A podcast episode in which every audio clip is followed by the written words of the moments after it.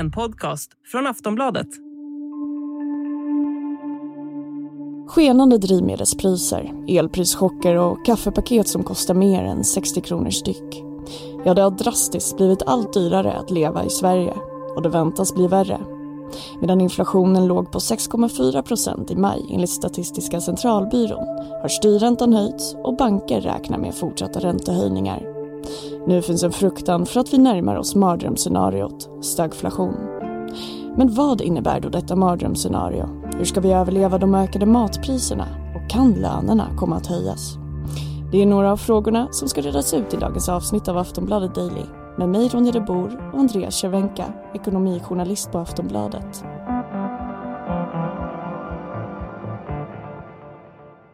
Hej Andreas och välkommen till Aftonbladet Daily. Tack så mycket. Ja, den sista tiden har det varnats för mardrömsscenariot stagflation. Vad innebär det scenariot? Ja, det är när det är låg tillväxt i ekonomin eller om ekonomin till och med backar samtidigt som att det är hög inflation. Eh, och det förstår man att det är ingen höjdare därför då blir allting dyrare samtidigt som vi får då mindre pengar i ekonomin totalt sett att röra oss med och arbetslösheten går upp kanske. Så det är någonting som man upplevde i, på 70-talet eh, i många länder och som det nu pratas allt mer om. Och på vilket sätt eh, blir det då ett mardrömsscenario? Varför kallas det för det? Jo, därför att eh, när det är hög inflation eh, så måste man, ja dels så, så slår det mot vanliga människor och konsumenter som får mindre pengar och, eh, och handla för och det sänker ekonomin. Men ofta så kanske man behöver höja räntan som vi har sett nu i, i Sverige och då eh, brukar man ju oftast kyla av ekonomin ännu mer eh, och utlösa en, en lågkonjunktur. Så att eh, stagflation är verkligen en, eh, det, det sämsta tänkbara scenariot egentligen för ekonomin eftersom man eh, ekonomin växer inte men allting blir, blir dyrare. Så då krymper ju den kakan vi har att, att fördela, den krymper hela tiden. Och kan du då kan du ge lite exempel på hur våra liv skulle kunna se ut om vi hamnar i stagflation? Ja, men man kan ju tänka sig att liksom eh, priserna fortsätter uppåt och det blir dyrare och dyrare, vilket gör att vi har mindre pengar i plånboken. Samtidigt så är ekonomin svag, så att det skapas inte så många nya jobb och eh, det kanske till och med blir ökad arbetslöshet eh, och så, vilket också sänker då eh, liksom utrymmet för att konsumera. Så det blir en lite halvdeppig utveckling helt enkelt. Och det slår ju oftast hårdast mot de som har minst pengar, de har minst marginaler i ekonomin och så. Som, och han kanske har lite jobb som det inte krävs så mycket utbildning, som också oftast är de jobb som försvinner först eh, när det blir lågkonjunktur. Så att um, det är ingen, inget, inget bra scenario och det är därför man har varit väldigt uh, noga med att försöka bekämpa det. Och, och hur sannolikt är det då att vi hamnar där? Ja, men det är den stora frågan nu därför att vi har ju väldigt kraftig inflation eh, i många länder. I Sverige och i USA kom det nya inflationssiffror som visar att den är den högsta på 40 år. Och därför väntar man sig att eh, den amerikanska centralbanken, Federal Reserve, ska höja räntan och, och, kanske höja ganska rejält på kort tid. Och då är oron att det kommer utlösa en, eh, en recession som man säger, det vill säga att ekonomin krymper eh, när man mäter i form av BNP, bruttonationalprodukt. Eh, och det är ju ingen höjdare heller, därför att då eh, kommer sannolikt eh, arbetslösheten gå upp eh, och då blir det läget ännu värre. Eh, och det finns de som tänker att ja, men då kanske räntan kommer att sänkas eh, förr eller senare, men det återstår att se. Så att det här är en oro som finns och Världsbanken har också varnat för eh, att stagflation kan bli det nya normala. Precis, och du var inne på det lite nu, men vilken roll spelar räntorna i det här? Nej, men just nu blir ju allting dyrare. Det vet vi, mat, eh, Eh, det är dyrare att um, gå på bio, och alla sådana saker.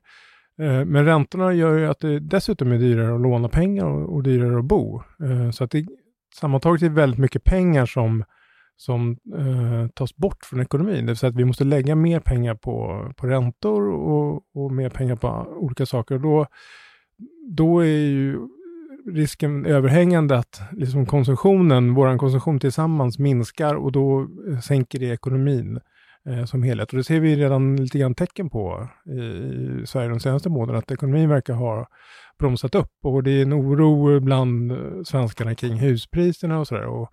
särskilt i Sverige som har så mycket lån eh, och där priserna har stigit så mycket så kan det få rätt stora effekter om, om det blir fall på bostadsmarknaden och det blir jättedyrt att låna. Så att, eh, ehm, det har ganska stor inverkan. Ja, hur ser då läget ut för inflationen i Sverige just nu?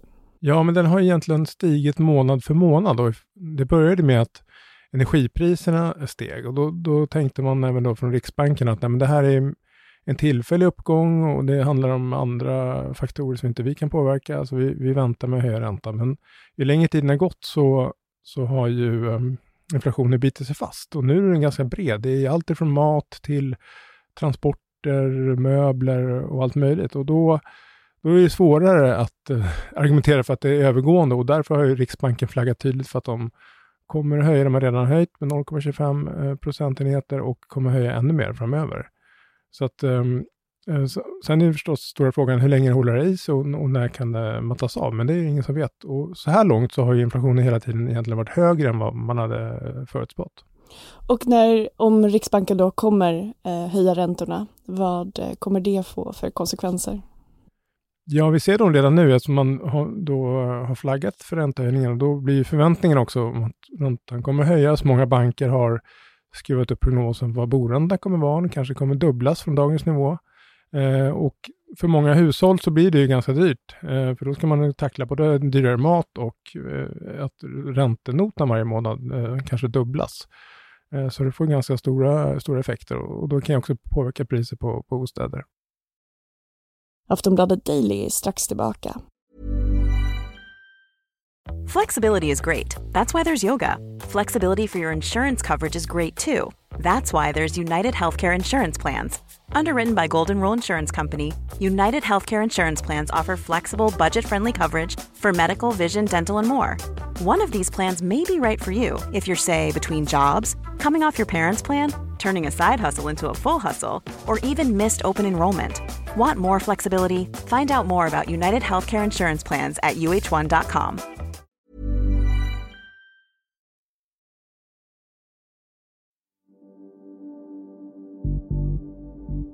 Ingen har nog missat att det blivit allt dyrare att handla mat. Ulf Masur, VD på Matpriskollen som granskar kedjornas priser, bedömer att matpriserna kan stiga med hela 12 procent när året summeras. Varför är det så? Det frågar jag Andreas Cervenka. En hel del är kopplat till kriget i Ukraina.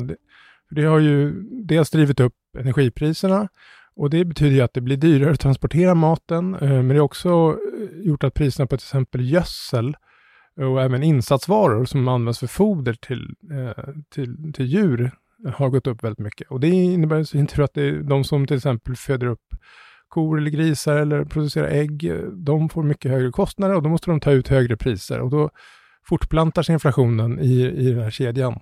Eh, och det är väl det vi har sett eh, och många i livsmedelsbranschen har flaggat för att det här kan fortsätta ganska länge eh, och, och fortsätta stiga. Och rent generellt känns det som att i princip allt blir dyrare. Eh, hur ska svenskarna överleva alla ökade priser?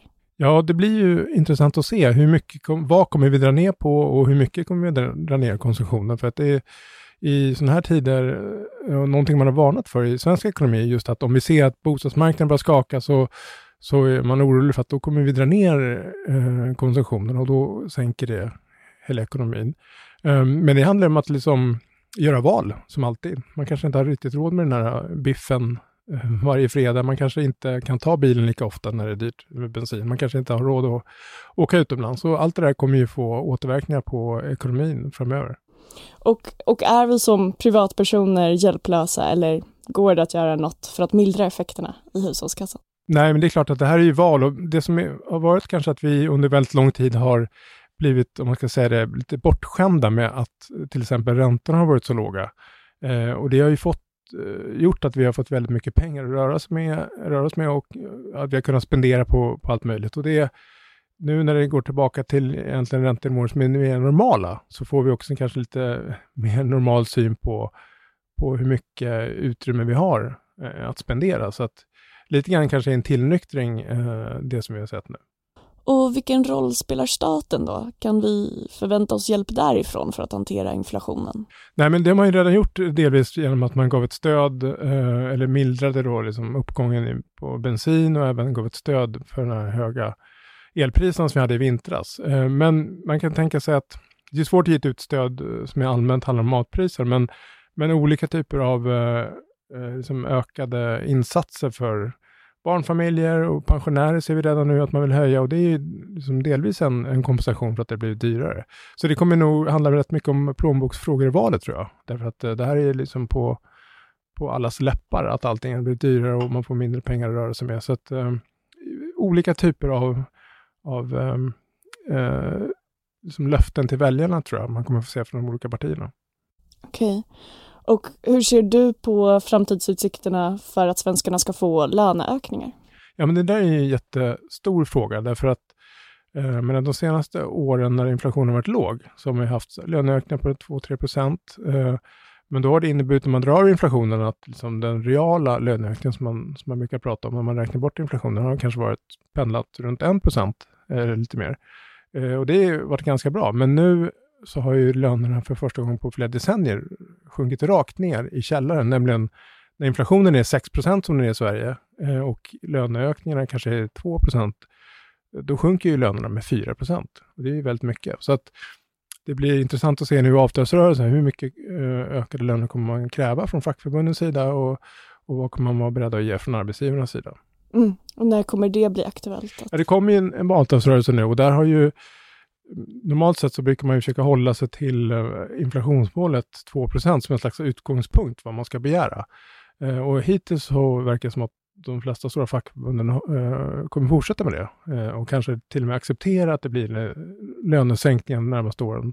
men det där återstår att se. Om, om inflationen fortsätter uppåt så blir det kanske svårare och svårare att hålla fast vid det. Så att, det, det, kan bli en ganska mm, nervös och stökig valrörelse, avtalsrörelse tror jag. Och eh, ja, kan du ge en bild av hur du tror att våra liv kommer påverkas av inflationen den närmsta tiden? Men jag tror det handlar väldigt mycket om ett uppvaknande till att um, räntorna kanske inte alltid kan vara låga för evig tid, som vi trodde så sent som i slutet på förra året kanske. Uh, och att man måste ha, liksom, ta höjd för att saker och ting blir dyrare och, och helt enkelt göra lite tuffare val än vi har behövt göra de senaste åren. Så att eh, det är lite grann ett paradigmskifte i världsekonomin kan man säga. Eh, för ekonomin har varit väldigt mycket driven av att det är liksom väldigt billigt att låna, tillgång till pengarna är liksom enorm eh, och, och, nu får vi en annan, eh, helt andra nya typer av problem. Inflation har varit ett problem som var mer eller mindre utrotat under nästan 20 år. Eh, och nu är det tillbaka, Det är samma sak som på 70-talet. Så det här är lite tillbaka till framtiden för, för ekonomin. Det säger Andreas Cervenka, ekonomijournalist på Aftonbladet. Du har lyssnat på Aftonbladet Daily och jag som gjort det här avsnittet heter Ronja de Bor. Vi hörs.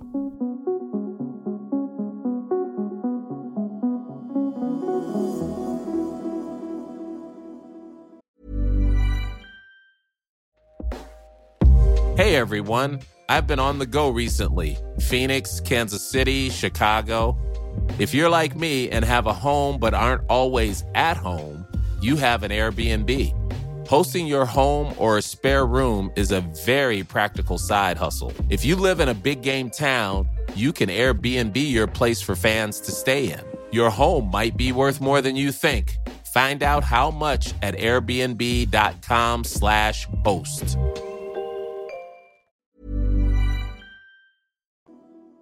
Du har lyssnat på en podcast från Aftonbladet. Ansvarig utgivare är Lena K Sa Tired of ads barging into your favorite news podcasts? Good news. Ad-free listening is available on Amazon Music. For all the music plus top podcasts included with your Prime membership. Stay up to date on everything newsworthy by downloading the Amazon Music app for free or go to amazon.com slash news ad free. That's amazon.com slash news ad free to catch up on the latest episodes without the ads. Sån